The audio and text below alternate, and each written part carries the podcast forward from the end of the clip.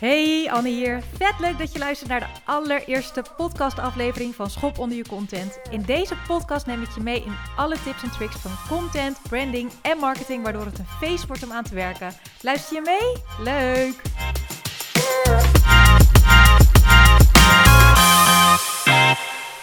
Mijn allereerste podcast, zoals je aan de titel hebt kunnen zien, is Word jij ook zo moe van dat gewaaai? Een beetje ondernemer die net is begonnen, kan er waarschijnlijk net als ik toen de tijd niet omheen.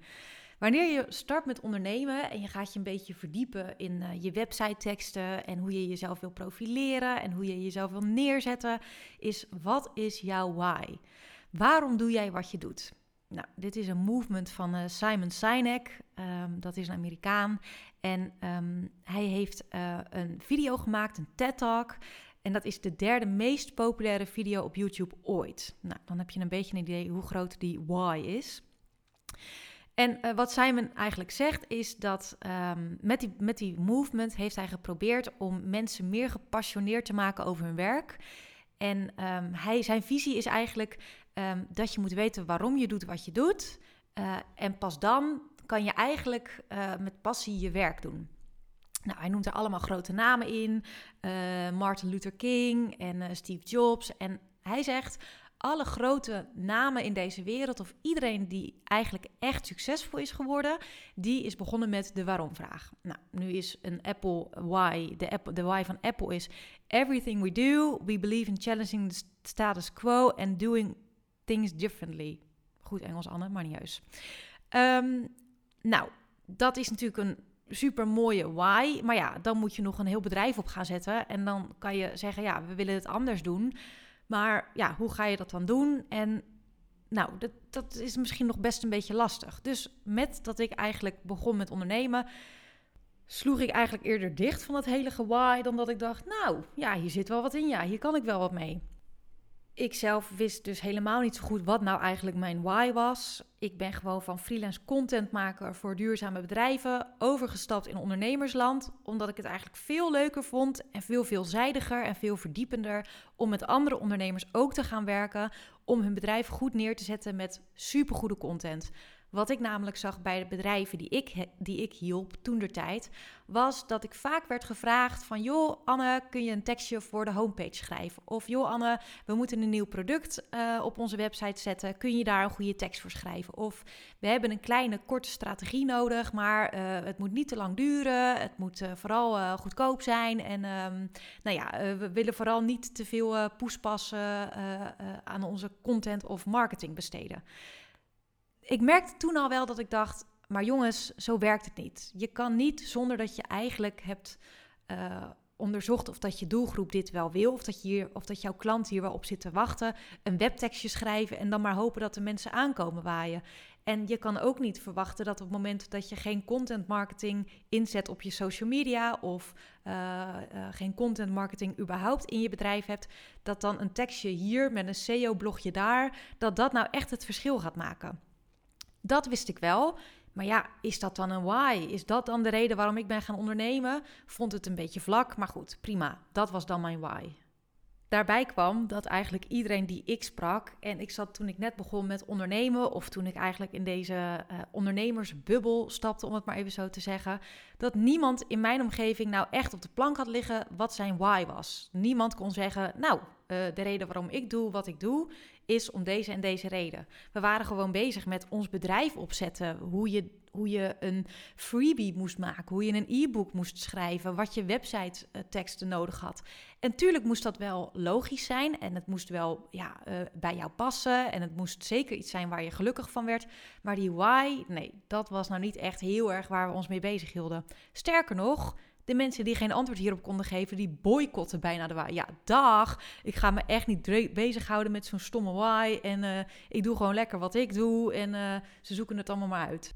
Ik begreep dat tegengeluid natuurlijk wel een beetje. Maar ik wilde eigenlijk ook wel gewoon graag weten waarom ik nou deed wat ik deed. Of ja, hoe ik dat dan het beste kon verwoorden. Of wat ik dan het beste het over mij op de over mij pagina kon zetten ik ben mezelf dus eigenlijk op een andere manier gaan afvragen wat mijn why was. Wat mijn why was. um, en dat is eigenlijk de vraag: waar word ik het allergelukkigst van? Waar ben ik goed in als persoon? En voor welk bedrijf zou ik het meeste willen doen? En waar zou ik het meeste voor willen laten? Dus eigenlijk zijn het die drie dingen. Het is een andere vraagstelling, maar het is wel eigenlijk een beetje de kern van waarom je doet wat je doet. Ik vind namelijk het verschil tussen moeten beantwoorden, beantwoorden waarom jij doet wat je doet nogal een verschil met gewoon doen wat jij het aller, allerleukste vindt om te doen. En het fijne daaraan is, vind ik ook, dat je dat altijd kan veranderen. Ik heb het gevoel bij die waarom-vraag van Simon Sinek dat dat is wat jij echt als levensmissie hebt. Dit is waarom jij een onderneming kan of mag starten. Terwijl, waarom zou je het niet van een andere kant kunnen bekijken en zeggen: als ik er morgen niet meer zou zijn, maar ik heb wel deze onderneming, dan heb ik de allerleukste en tofste jaren of maanden achter de rug gehad. Want dan heb ik een onderneming waarin ik echt het allertofste werk kon doen, waar ik het allergelukkigst van word. Daarin heb ik mijn dagen versleten, waarin ik echt het allergelukkigst was. Want daar is toch waar het over gaat.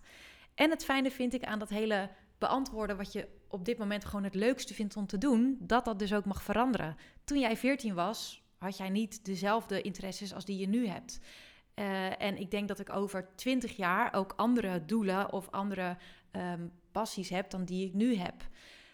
Dat is ook het fijne, vind ik. Je mag altijd veranderen in doen wat jij het allerleukste vindt om te doen. Misschien ben ik over een paar jaar wel heel erg gelukkig als ik in mijn grote mooie achtertuin een super groot tuinhuis heb staan waarin ik mensen mag leren koken op uh, een veganistische of vegetarische manier.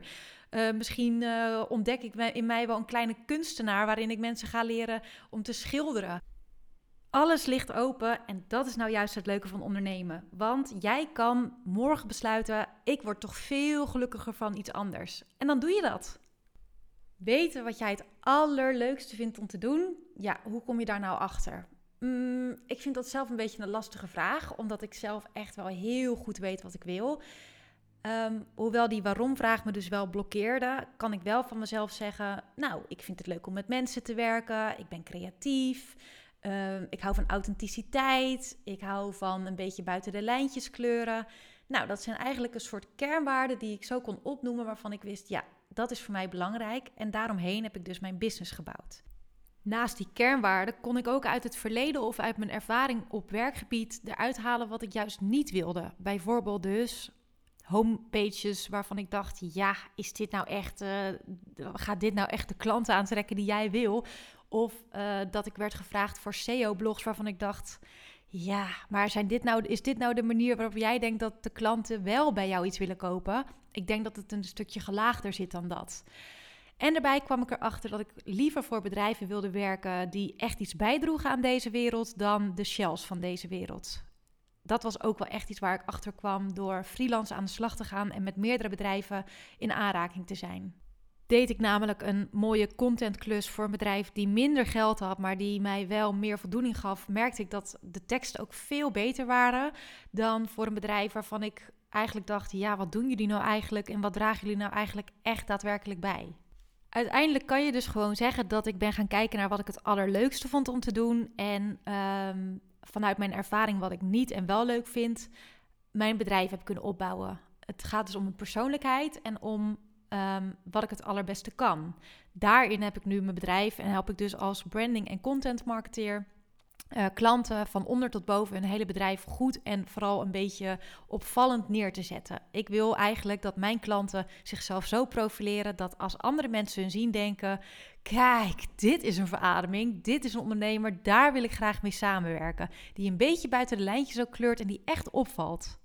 Op mijn website noem ik dat ik wil van jou die Coolblue maken. Uh, ik denk dat we allemaal wel weten wat Coolblue is en hoe ze hun content en marketing insteken.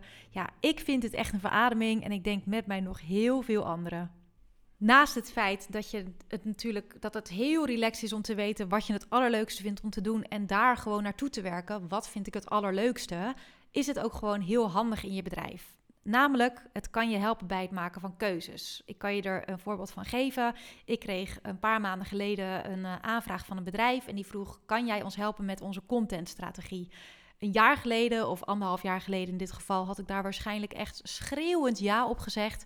En nu dacht ik: hmm, nee, ik wil werken naar iets wat niet meer dit is. Dus het was voor mij heel helder, omdat ik dacht: het gaat me niet helpen, het gaat me juist eerder terugtrekken. Dus dat was eigenlijk al reden nummer één. Dat ik het heel fijn vond dat ik wist waar ik het allergelukkigst van werd. En nummer twee is het, is ook heel fijn. Je kan er gewoon heel vaak je motivatie uithalen. Moet jij namelijk een keertje op zaterdag werken, zoals ik op dit moment doe. Ik ben deze podcast op mijn vrije zaterdag aan het opnemen. Vrije zaterdag tussen aanhalingstekens, want als ondernemer werk je of altijd of nooit. Ik bedoel, je hebt je eigen dagen in te vullen. Maar ik vind het geen probleem. Sterker nog, ik werd vanmorgen wakker en ik dacht, ja, ik voel hem. Afgelopen week nog niet helemaal. En toen wilde ik hem eigenlijk ook al opnemen. Maar nu op zaterdag. Ik heb een hele week gewerkt. En deze dag neem ik gewoon echt als cadeau voor mezelf. Dat ik een hele dag mag besteden aan hoe ga ik die podcast eens opnemen. Ik vind het eerder fijn om te doen dan dat ik het als een moedje ervaar. En dat is omdat ik dit echt het allerleukste vind om te doen. Ook kan je motivatie halen uit het feit als je soms nee moet zeggen tegen dingen waar je eigenlijk misschien als je nog in dienst zou zitten bij een, uh, bij een baas eerder ja tegen had gezegd. Je bent nu echt gewoon op jezelf aangewezen om de investeringen te doen die jij wil doen voor je bedrijf. Gaan al jouw vrienden op vakantie en zeg je daar tegen nee, omdat je liever wil investeren in een mooi kantoor of uh, mooie uh, producten die waarvan je weet dat het jouw bedrijf verder gaat helpen. Uh, of ga je investeren in een super high-end coach waar je maandelijks zo'n groot bedrag voor neer moet leggen dat die vakantie er even niet in zit. Als dat is wat nodig is om te gaan doen wat jij het allerleukst vindt om te doen, dan is dat natuurlijk veel minder erg. Maar je hebt natuurlijk ook gewoon de positieve motivatie. Dus wat denk je dat het met jou doet qua motivatie als jij een bedrijf hebt waar jij het meest gelukkig van wordt en je ziet dat het werkt, dat je klanten er super blij van worden. Je kan ermee uh, op vakantie gaan wanneer je zelf wil. Je kan ermee op workation gaan. Je kan uh, investeringen doen die je misschien niet had kunnen doen toen je nog in loondienst zat dat is ook pas dat is ook echte motivatie. Dus dat je uh, het ultieme geluk ervaart met en je business, maar ook daardoor je leven zou kunnen of je leven kan leiden zoals je dat het allerliefste doet. Ik denk als jij dus antwoord kan geven op de vraag wat jij het liefste doet op dit moment en uh, jij ziet daar een businessmodel in, dat je dan echt al een heel eind bent. Weet je het niet exact of twijfel je nog een beetje, dan kan ik je gewoon aanraden om lekker te beginnen. Het hoeft niet gelijk perfect te zijn, dat was het bij mij ook absoluut niet en dat is het nog steeds niet. Maar ik geniet wel van het feit dat ik nu al geld verdien met wat ik op dit moment het leukst vind om te doen. Hiermee zijn we aan het einde gekomen van mijn allereerste podcast. Ik hoop dat je het leuk vond om naar te luisteren. En mocht dat zo zijn, luister dan ook vooral even naar de volgende. Die, die zet ik gelijk online en daarin vertel ik jou mijn hele verhaal. Um, als je een kennismakingsgesprek wil, superleuk. Ga naar mijn website www.annedevlaam.com en volg me ook even op Insta. Dat is Anne de Vlaam, laagstreepje contentstrateeg. Vergeet me ook niet te taggen als je mijn podcastaflevering hebt geluisterd. Thank you, bye!